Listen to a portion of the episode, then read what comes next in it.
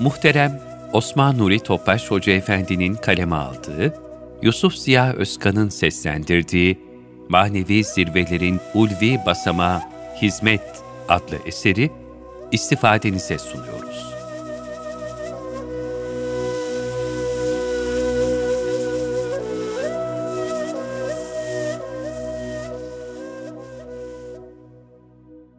Manevi zirvelerin ulvi basamağı, hizmet. Kardeşliği zedeleyecek davranışlardan kaçınmak.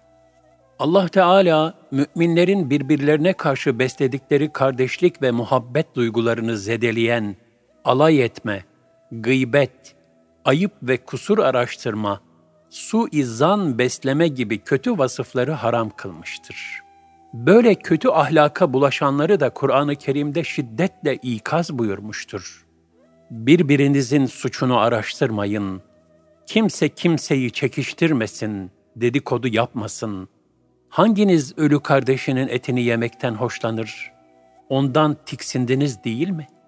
El-Hucurat 12 İnsanları arkadan çekiştirip, kaş göz hareketleriyle alay edenlerin, ve mal toplayıp onu tekrar tekrar sayanların, yani nerede kazandığını ve nereye sarf edeceğini düşünmeyip, servetini kendisi için bir övünme ve üstünlük vesilesi yapanların vay haline. El-Hümeze 1-2 Buna göre gerek el ile, gerekse dil ile maddeten veya manen insanları incitmeyi ve onların gönüllerini yaralamayı adet edinmiş dedikoducu kimseler, cehennem uçurumunda, Veil deresinde ve hüsran içinde kahrolmaya mahkumdurlar. Böylesine hazin bir akıbetten muhafaza için İslam, mümin gönüllerin affedici ve kabahat örtücü olmalarını, birbirleri için daima hakkı ve hayrı dilemelerini, hatta birbirlerine dua etmelerini teşvik etmiştir. Allah Resulü sallallahu aleyhi ve sellem hadisi şeriflerinde şöyle buyurur. Birbirinizle hasetleşmeyiniz. Almayacağınız bir malın fiyatını müşteri kızıştırmak için artırmayınız. Birbirinize kin ve nefret beslemeyiniz. Birbirinize darılıp yüz çevirmeyiniz. Birinizin satışı üzerine başka biriniz satış yapmasın. Ey Allah'ın kulları! Böylelikle kardeş olunuz. Müslüman, Müslümanın kardeşidir. Ona zulüm ve haksızlık yapmaz, onu yardımsız bırakmaz ve hakir görmez. Peygamber Efendimiz sallallahu aleyhi ve sellem üç defa göğsüne işaret ederek buyurdular ki, Takva işte buradadır. Mümin kardeşini hor ve hakir görmesi bir kimseye şer olarak yeter.'' her Müslümanın kanı, malı ve ırzı başka Müslümana haramdır. Mümin, insanları kötüleyen, lanetleyen, kötü söz ve çirkin davranış sergileyen kimse değildir. Hülasa, hizmet ehli birbirine karşı kin, haset ve bürüdet yani soğukluk gibi hizmetin feyz ve heyecanını giderecek menfi duygulardan arınmalı, gönüllere inşirah veren ve onları olgunlaştıran muhabbetin feyizli zemininden nasipdar olmalıdır. Hadis-i şerifte buyurulur, faziletlerin en üstünü seninle alakasını kesene gitmen, onunla akrabalık bağlarını devam ettirmen, sana vermeyene vermen, sana hakaret edeni affedip yaptığı kötülükleri unutmandır.''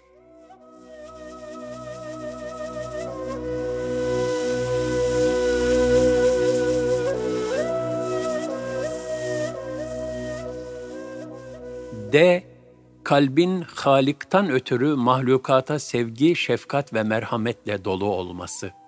Kalp, ilahi feyizlerle hallenince, onda Halik'tan ötürü mahlukata hizmet arzusu doğar. Dostluğun merkezine Allah ve Resulünü yerleştirenler, bütün mahlukatla dost olurlar.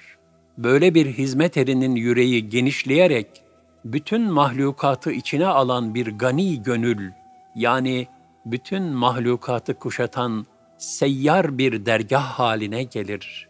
Yaratılanı severiz, yaratandan ötürü anlayışıyla bütün mahlukata şefkat, merhamet ve muhabbetle yaklaşmaya başlar.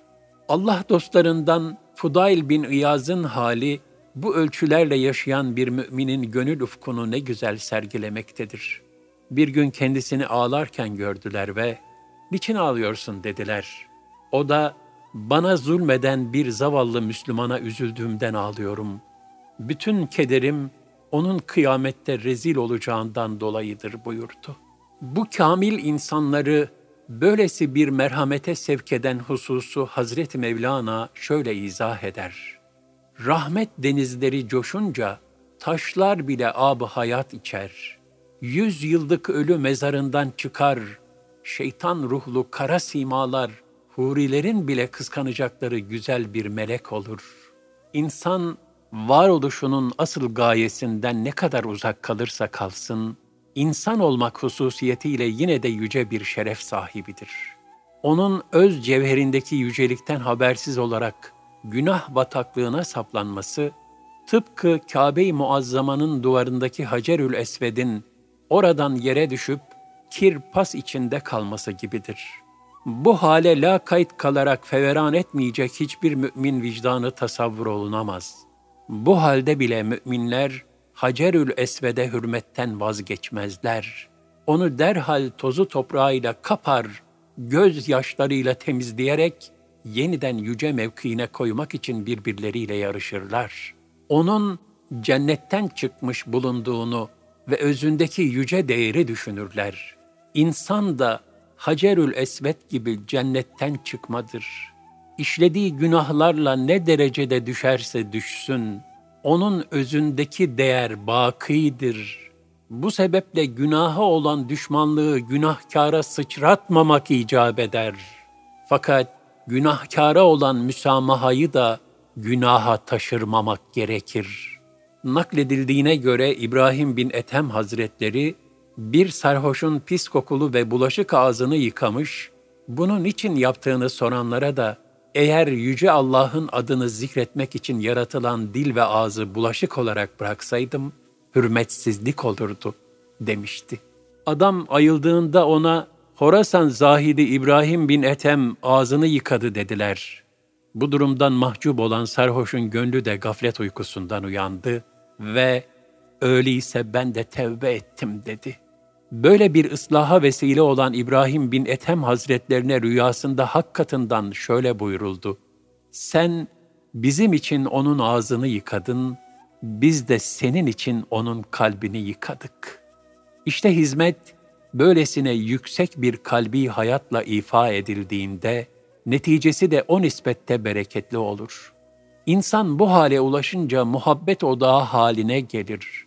Muhabbetle atılan tohum da ebedidir.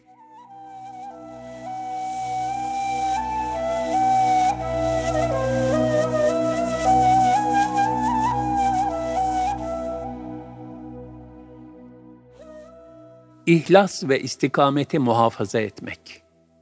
İhlas ve istikamet, hizmet ehlinin vazgeçilmez iki temel vasfı olmalıdır.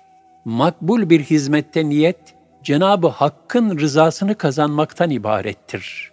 Ne hayırsever insanmış dedirtmek ve bundan nefsani bir iftihar payı çıkartmak, hizmetin ecrini zayi etmektir.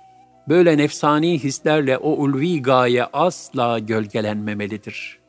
Gerçek bir hizmet ehli olabilmek, Allah Teala'nın kuluna yüce bir lütfudur. Bu yüce nimetin kadrini iyi bilmeli ve yapılan her işte ihlas ve istikamet üzere olmaya gayret etmelidir. Aksi halde bu nimetin elden çıkabileceğini unutmamalıdır. Allah yolundaki hizmetlerde kendisine büyük ve mühim bir vazife tevdi edilmiş olanlar, bilhassa bu hususta daha dikkatli olmak zorundadırlar.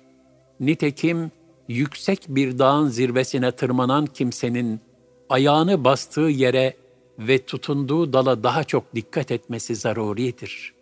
Zira zirvelerde yanlış bir adım atmak veya çürük bir dala tutunmak çok daha tehlikelidir.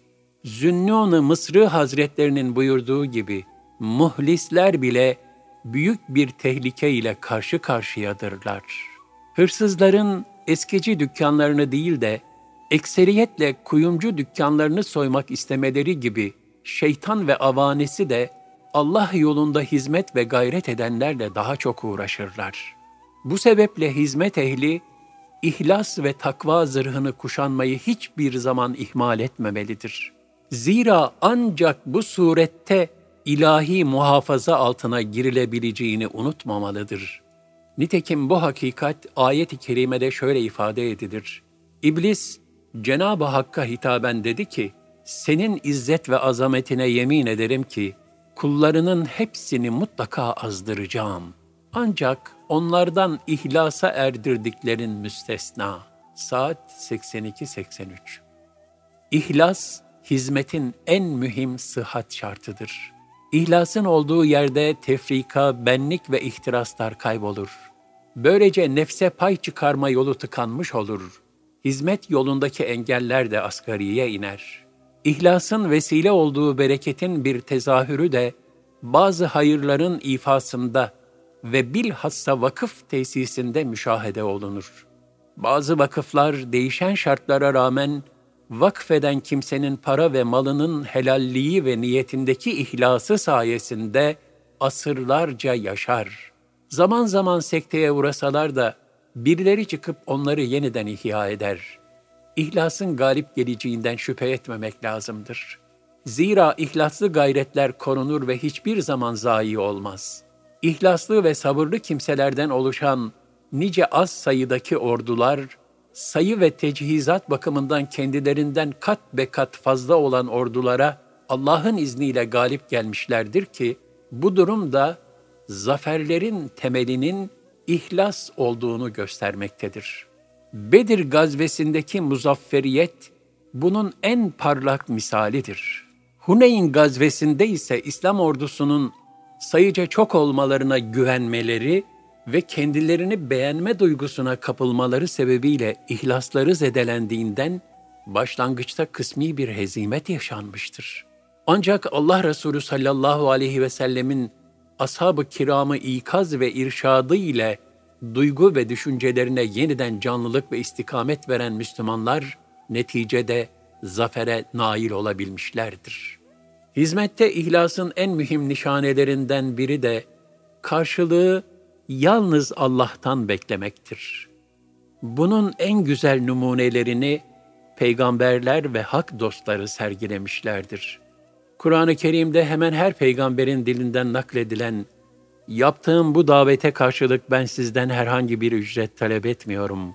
Benim mükafatımı ancak alemlerin Rabbi olan Allah verecektir sözü bu gerçeği açık bir şekilde ifade etmektedir. İşte bir hizmet insanı da dünyaya karşı hırslı olmayıp maddi karşılıkları değil, rızayı ilahiyi hedeflediği takdirde hem Allah Teala'nın hem de hizmet ettiği insanların sevgisini kazanır. Nitekim şu hadise bu gerçeği ne güzel ifade eder. Bir gün Resulullah sallallahu aleyhi ve selleme bir adam gelerek, Ya Resulallah, bana öyle bir amel söyle ki, onu yaptığım zaman beni Allah da, insanlar da sevsin dedi. Allah Resulü sallallahu aleyhi ve sellem ona, dünyaya karşı zahid ol.'' Ona rağbet etme ki Allah seni sevsin. İnsanların ellerinde bulunan şeylere karşı zahit ol. Onları isteme ki insanlar da seni sevsin buyurdu. Hazreti Mevlana şöyle buyurur. Allah aşkı için çalış. Allah aşkı için hizmette bulun. Halkın kabulü veya reddiyle senin ne işin var? Bu fani dünya pazarında sana bol bol kazandıracak bir müşteri olarak Allah Celle Celaluhu kafi değil mi? Allah'tan alacağın karşısında insanların verebilecekleri ne ki? O halde gözünü ve gönlünü insanlardan gelecek teşekkürlere değil, Allah'tan gelecek mazhariyete döndür. Hülasa, her işi Allah rızası için yapma düşüncesi, hizmet ehlinde tabiatı asliye haline gelmelidir. Hizmette olan kimseler, Allah'ın kendilerine ihsanda bulunduğu peygamberler, sıddıklar, şehitler ve salihlerin izlediği dosdoğru yoldan, yani istikametten ayrılmamalıdırlar. İnançta, sözde, amelde velhasıl her hususta Allah'ın rızasına muvafık davranmak demek olan istikamete riayet edenler ayet-i kerimede şöyle methedilmişlerdir. Şüphesiz Rabbimiz Allah'tır deyip sonra istikamet üzere bulunanların ölümleri anında üzerine melekler iner ve onlara korkmayın, üzülmeyin, size vaat olunan cennetle sevinin derler. Fussilet 30 Hizmet ehli her şeyden önce etrafına sağlam bir karakter sergileyebilmelidir. Zira insanlar sağlam karakterli, vakarlı, örnek şahsiyetlere hayran olur ve onları örnek alarak peşlerinden giderler. Nitekim insanlar tarih boyunca daima Allah'a davet eden, nefisleri teskiyeye çalışan, gönülleri Kur'an-ı Kerim ve sünnet-i seniyye istikametinde irşat ve ihya eden, takva hayatı yaşayan ve kendini Allah yoluna adamış olan hak dostlarına hayran olup onları takip etmişlerdir. Bu kıymetli zatlar zevku safanın ağına düşerek eriyip gidenlerin aksine yüksek bir ahlak, fazilet, zarafet ve feyizli bir hizmet sergilemişlerdir. Öyle ki dünyevi saltanat ve ihtişam böyle hak dostlarının gönüllerini hiçbir fiyata satın alamamış. Dünyanın hiçbir mevki ve makamı onları mübarek gayelerinden ve mukaddes vazifelerinden ayıramamıştır. Onlar maddecilik tufanında boğulmak üzere olan kitlelerin adeta sığınağı ve barınağı gibidirler. Sultanlar, vezirler, devlet erkanı halkın bedenlerine ve cisimlerine hükmedebilirken, hak dostları gönüllere taht kurmuşlardır. Onlar hiçbir maddi menfaat gütmeden, halka fedakarane hizmet ettiklerinden, aşk ve vecd dolu iman halleri, büyük bir tesir bereketine mazhar olmuştur. Abbasi halifesi Harun Reşit, ihtişam ve saltanat içinde Rakka'da ikamet ediyordu. Bir gün oraya Abdullah bin Mübarek Hazretleri geldi. Bütün şehir halkı onu karşılamak için şehir dışına çıktı. Halife neredeyse koca şehirde yalnız kalmıştı. Bu manzarayı balkondan seyreden Harun Reşid'in bir cariyesi, ''Bu da nedir, ne oluyor?'' diye sorunca, oradakiler Horasan'dan bir alim geldi. Adı Abdullah bin Mübarek'tir. Ahali onu karşılıyor dediler. Bunun üzerine cariye, işte gerçek sultanlık budur. Harun'un sultanlığı değil. Çünkü Harun'un sultanlığında polis olmadan işçiler bile bir araya toplanmıyor dedi.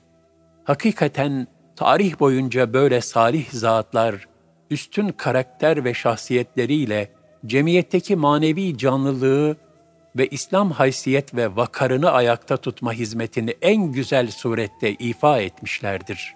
Yüce Rabbimiz de onlardaki bu kuvvetli iman ve yüksek ahlaka mukabil onları sevmiş ve kıyamete kadar gelecek müminlere de sevdirmiştir. Ayet-i kerimede şöyle buyurulur. İman edip de salih amellerde bulunanlara gelince, onlar için çok merhametli olan Allah, gönüllerde bir sevgi yaratacaktır. Yani onları herkese sevdirecektir. Meryem 96 Bu bakımdan hizmet ehli, el-emin ve es-sadık sıfatlarına sahip bir peygamberin ümmeti olduğu şuuruyla, sözünde ve özünde doğru, yani sıdık ehli, güvenilir bir kimse olmalıdır.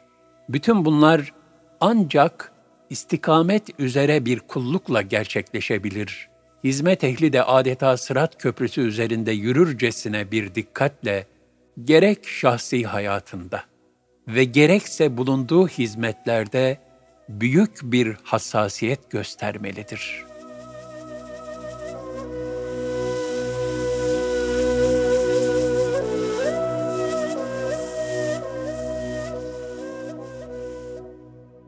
Şefkat ve merhamet sahibi olmak. Kamil bir mümin, gönül insanıdır. Merhamet ve diğergamlık onun en belirgin vasfı ve tabiatı asliyesidir.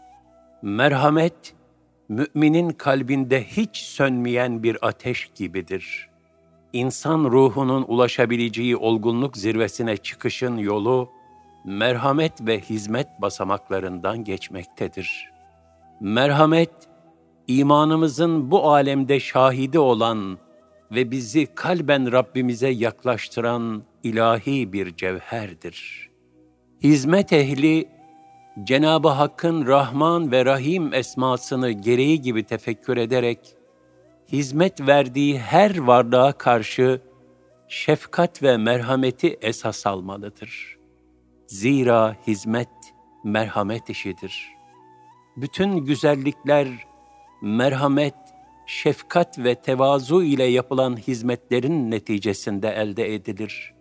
Merhametin en belirgin alameti ise infaktır. Bu bakımdan hizmet ehli aynı zamanda cömert olmalıdır. Zira yüksek ahlaki vasıflar birbirini tamamlar. Merhametli insan cömert, cömert insan mütevazı, mütevazı insansa gerçek hizmet ehli olur. Peygamber Efendimiz sallallahu aleyhi ve sellem Allah Teala cömerttir, ihsan sahibidir. Cömertliği sever.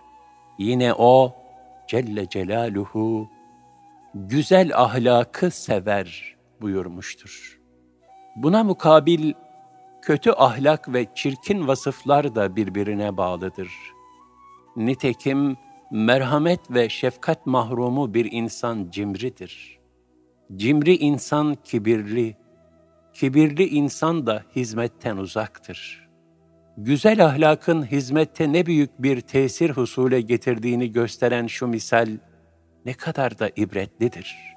Ramazan-ı Şerif'te vaaz nasihat için Erzurum'un bir köyüne davet edilen İbrahim Hakkı Hazretlerini alıp köye götürmek üzere ücret karşılığında bu işleri yapan gayrimüslim bir hizmetçi bir atla gönderilmişti. Yola çıkıldı. Fakat binit bir tane olduğundan İbrahim Hakkı Hazretleri Ömer radıyallahu anh'ın Kudüs'e giderken kölesiyle nöbetleşe deveye binmesi hususundaki ahlak-ı hamidesini tatbik etti. Gayrimüslim hizmetçi buna her ne kadar köylüler bu durumu işitirlerse beni azarlarlar, ücretimi de vermezler diye itiraz ettiyse de Hazret, evladım, son nefeste halimizin ne olacağı meçhul.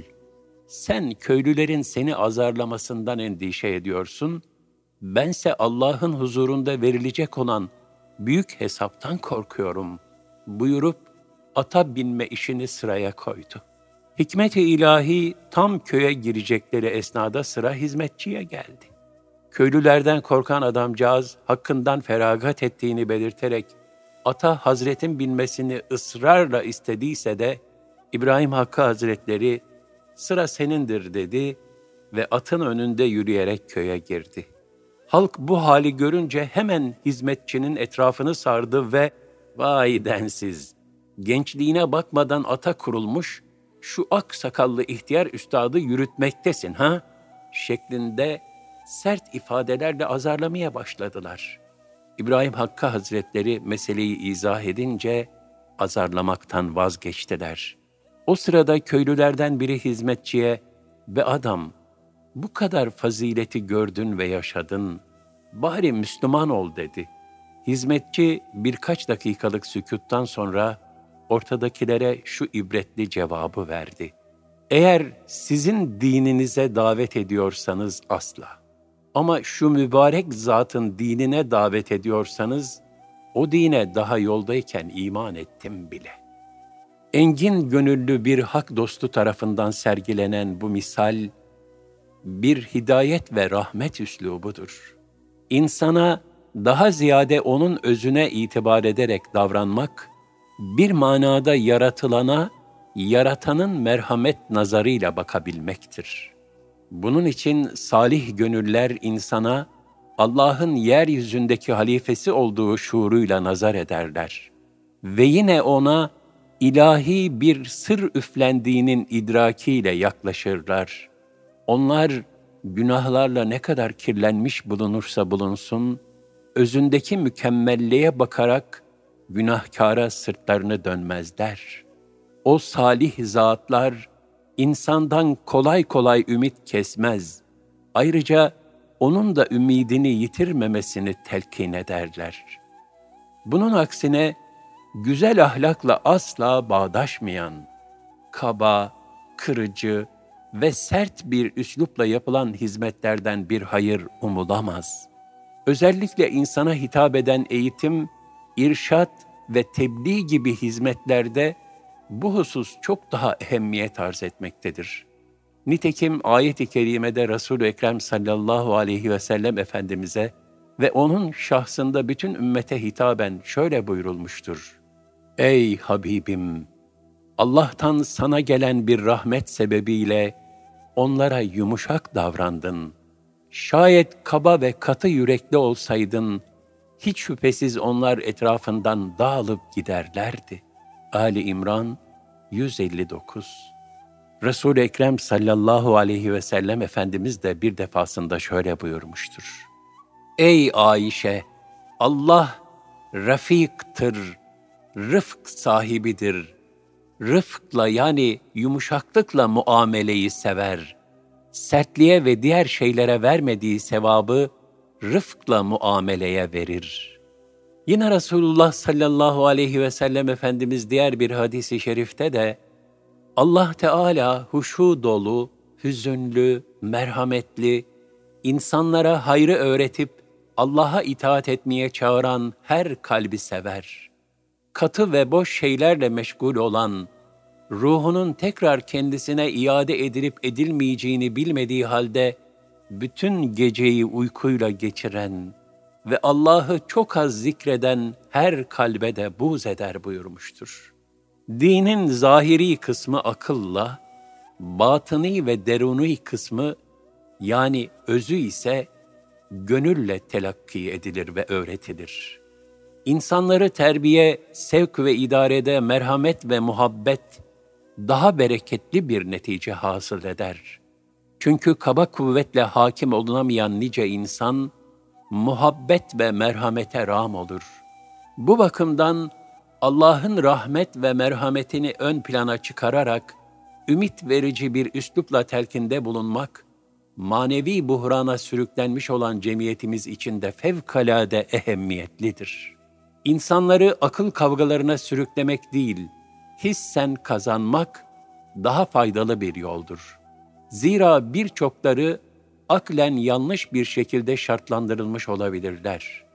Onun için cedel ve münakaşa ile ikna edilip kazanılmaları çoğunlukla imkan dahilinde olmaz. Çünkü menfi şartlanmalar akli delilleri kabule manidir. Kalplerin hakikatle ülfet edebilmesi için evvela müsamaha ile yaklaşılıp, içteki yüce temayüllerin yeşermesine çalışmak ve bir muhabbet havası tesis etmek daha tesirli bir yoldur. Nitekim bir muallime duyulan muhabbet, ona olan bağlılığı ve öğrettiklerine karşı alakayı artırır. Onun muhabbet ve merhametle yaklaşması, telkin ettiklerini akli bir mecradan ziyade kalbi bir yoldan aktarmasını sağlar. Böylece telkin, muhatabın ruhi temayüllerine uygun bir muhteva kazanarak, azami derecede şahsiyete inkılap eder. Bu sebeple özellikle kalplere tesir için şefkat ve muhabbetle yaklaşmak gerekir. Yeryüzünün gerçek fatihleri de bu şekilde kalpleri fethedebilenlerdir. Yine bu yüzdendir ki sevgi, şefkat ve merhamet mahrumu, benliğine düşkün idareciler, emri altındakilerin gönüllerine hükmedemedikleri için zoraki bir itaat temin etmeye çalışırlar. Bunun için de insanların hayatına zehir saçarlar.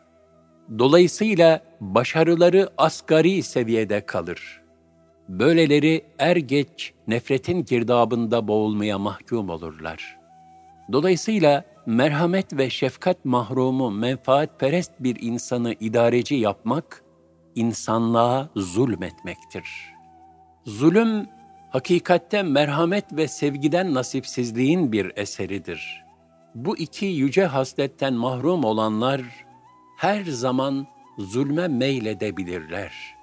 Merhamet, muhabbetin meyvesidir. Sevgi temeline oturmayan bir aile yuvasında bile huzur, sükun ve bereket olmayacağı gibi, muhabbetsiz bir hizmetten de hayırlı neticeler beklenemez. Hizmete muhtaç insanlar aslında yaralı bir kuş gibidirler. Onlara fayda verecek olan, şefkat ve merhametle mezcedilmek suretiyle ifa edilen her türlü hayır hizmetleridir. Hizmette bu şefkat üslubunu elde edebilmek için hizmet ehli de eğitime muhtaçtır. Bu eğitimin özü ise tasavvufi adab ve düsturların hakim olduğu muhitlerin telkinlerine ram olmakla, yani manevi terbiye ile elde edilebilir. Şefkat ve merhamet bahçesinin zarif, ince ve nazik çiçekleri de ancak bu sayede filizlenebilir. Muhabbet ve merhametle davranış mükemmelliğine ulaşanlar, etraflarında daima maddi veya manevi bakımdan yardıma muhtaç muzdarip varlıklar ararlar. Çünkü onlar, sefalete düşenlerin ıstırabını kalplerinde hisseder ve yüreklerinin uzanabildiği her yerden kendilerini mesul görürler. Güneş için ısıtmamak nasıl imkansızsa, yüksek ruhlar içinde insanlara acımamak, onlara hizmetten kaçınmak, ıstırap ve çileler karşısında duygusuz kalmak ve etrafına güzellik tevzi etmemek öyle imkansızdır. Bütün müesseseler ve bilhassa manevi eğitim verenler, birer şefkat, fedakarlık ve hizmet mektebi olmalıdır. O duvarların içinde kuru bilgi yığınlarından ziyade, merhamet ve hizmetin aşk ve heyecanı yer almalıdır.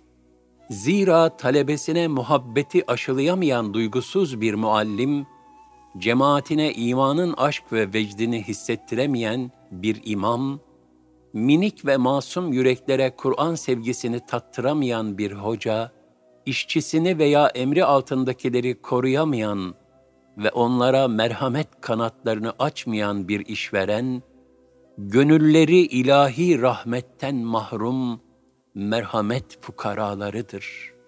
Hasta, sakat, yoksul ve kimsesizlerin ıstırapları karşısında duygusuz kalanlar da, hizmet şuurundan nasipsiz, hodgam kimselerdir. Bütün müminler ve bilhassa hizmet emanetini yüklenmiş olanlar, Hazreti Peygamber sallallahu aleyhi ve sellemin şu dehşetli ikazını asla hatırlarından çıkarmamalıdırlar. Size cehennemliklerin kimler olduklarını söyleyeyim mi? Katı kalpli, kaba, cimri ve kurularak yürüyen kibirli kimseler. Gül ve çiçek manzaraları nasıl ki en haşin ve nadan bir insanı bile tebessüm ettirirse, insanlara rehberlik edenler de böyle gül tabiatlı olmalı, en katı kalpleri yumuşatıp, en abuz çehreleri bile gülümsetebilmelidirler.''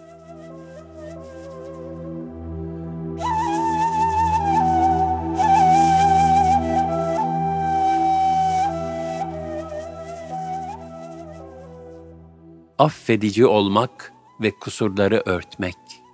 Allah Teala'nın yüce isimlerinden biri de onun affediciliğini ifade eden El-Afıv ismi şerifidir. Cenab-ı Hak, mümin kullarının da bu ahlaka sahip olmalarını istemektedir. Bilhassa Allah yolundaki hizmetlerde bu haslete sahip olmak son derece lüzumludur. Nitekim ayet-i kerimede şöyle buyrulur. Ey Resulüm, affedici ol. Aklen ve şer'an iyi ve güzel olan şeyleri emret. Delil kabul etmeyen ısrarcı cahillerden yüz çevir. El-Araf 199 Peygamber Efendimiz sallallahu aleyhi ve sellemin zevcesi, ümmetin annesi ve Efendimiz'den sonra en faziletli insan olan Hazreti Ebu Bekir radıyallahu anh'ın kızı Hazreti Ayşe validemize çok ağır bir iftira atılmıştı. Bir ay sonra gelen ayet-i kerime ile Ayşe validemiz radıyallahu anha bizzat Allah tarafından temize çıkarıldı. Ona iftira atanlardan biri de Hazreti Ebu Bekir'in çokça sadaka verdiği Mıstah isimli birisi çıktı.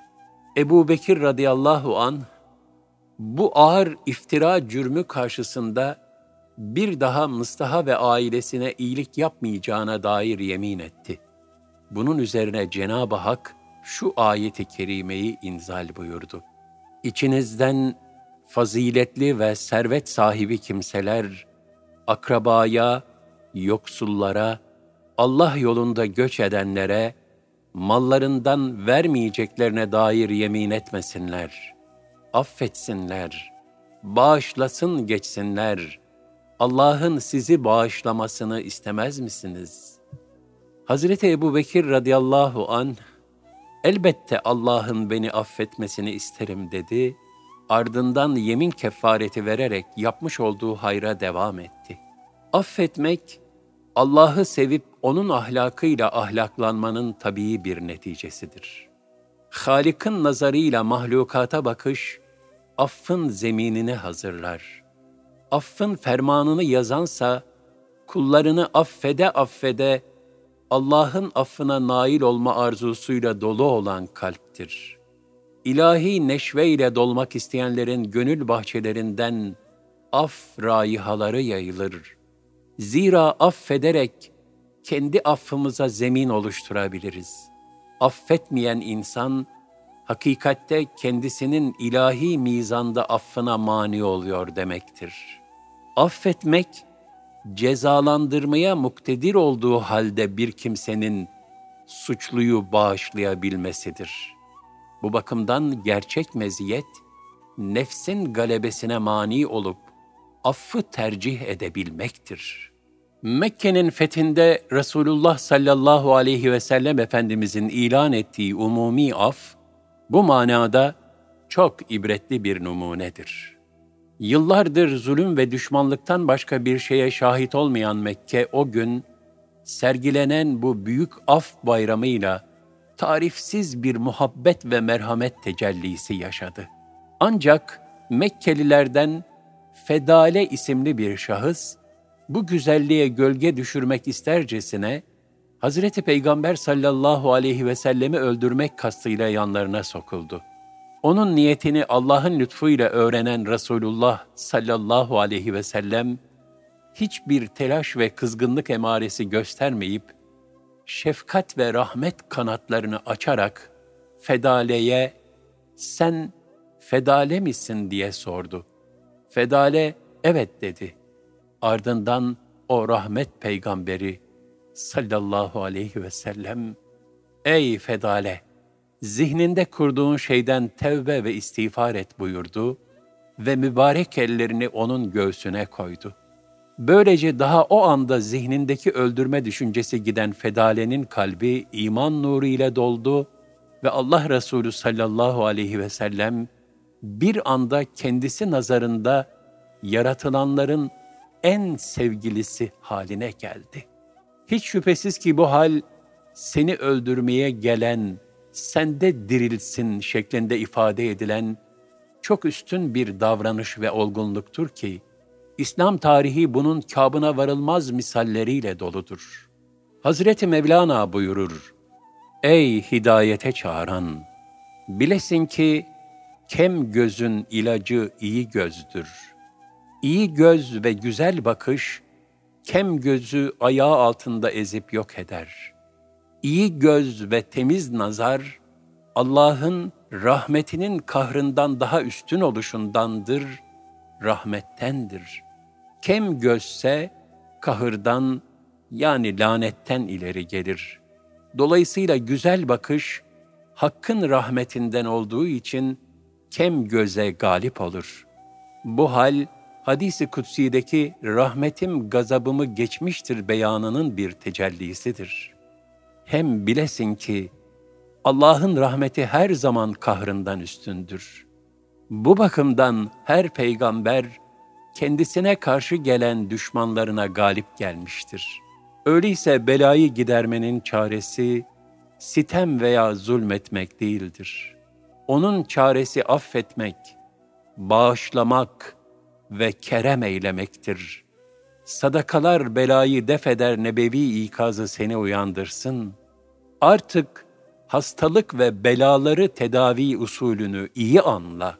Resulullah sallallahu aleyhi ve sellem Efendimiz, kendisine karşı hata işleyen ve kabalık yapan insanları hep affeder, ümmetine de şu tavsiyede bulunurdu.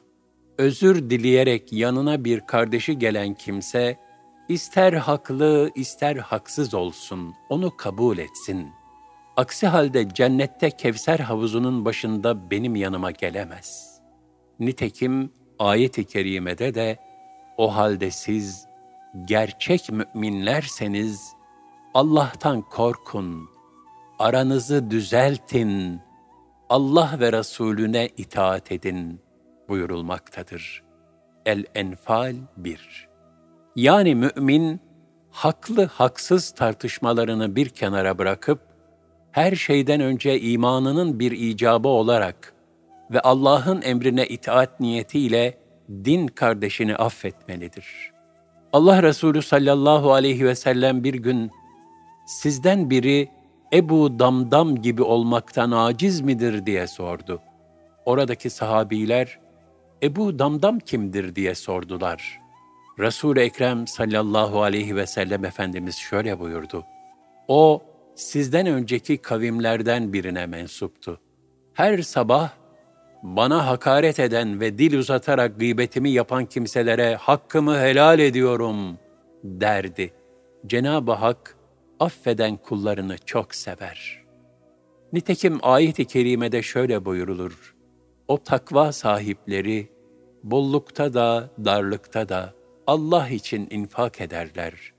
Öfkelerini yutarlar ve insanları affederler. Allah da bu şekilde bütün hal ve ibadetlerinde ihsan sahibi olanları sever. Resulullah sallallahu aleyhi ve sellem Efendimiz de şöyle buyurmuştur. Kul başkalarının hatalarını affettikçe Allah da onun şerefini ziyadeleştirir. Kim bağışlarsa Allah da onu mağfiret eder. Kim affederse Allah da onu affeder. Kim bir musibete sabrederse Allah onun karşılığını verir. Kim öfkesini yutarsa Allah onun ecrini ihsan eder.'' Ayrıca hizmet ehli, insanların ayıplarını araştıran değil, ayıp ve kabahatlerini setreden, örten olmalıdır. Nitekim Allah Resulü sallallahu aleyhi ve sellem şöyle buyurmuştur. Kim arkadaşının ayıbını örterse, Allah da kıyamet günü onun ayıbını örter. Kim bir Müslüman kardeşinin ayıbını açığa vurursa, Allah da onun ayıbını açığa vurur hatta evinde bile olsa onu ayıbıyla rezil eder. Kim bir kardeşini günahından dolayı ayıplarsa, o günahı işlemeden ölmez.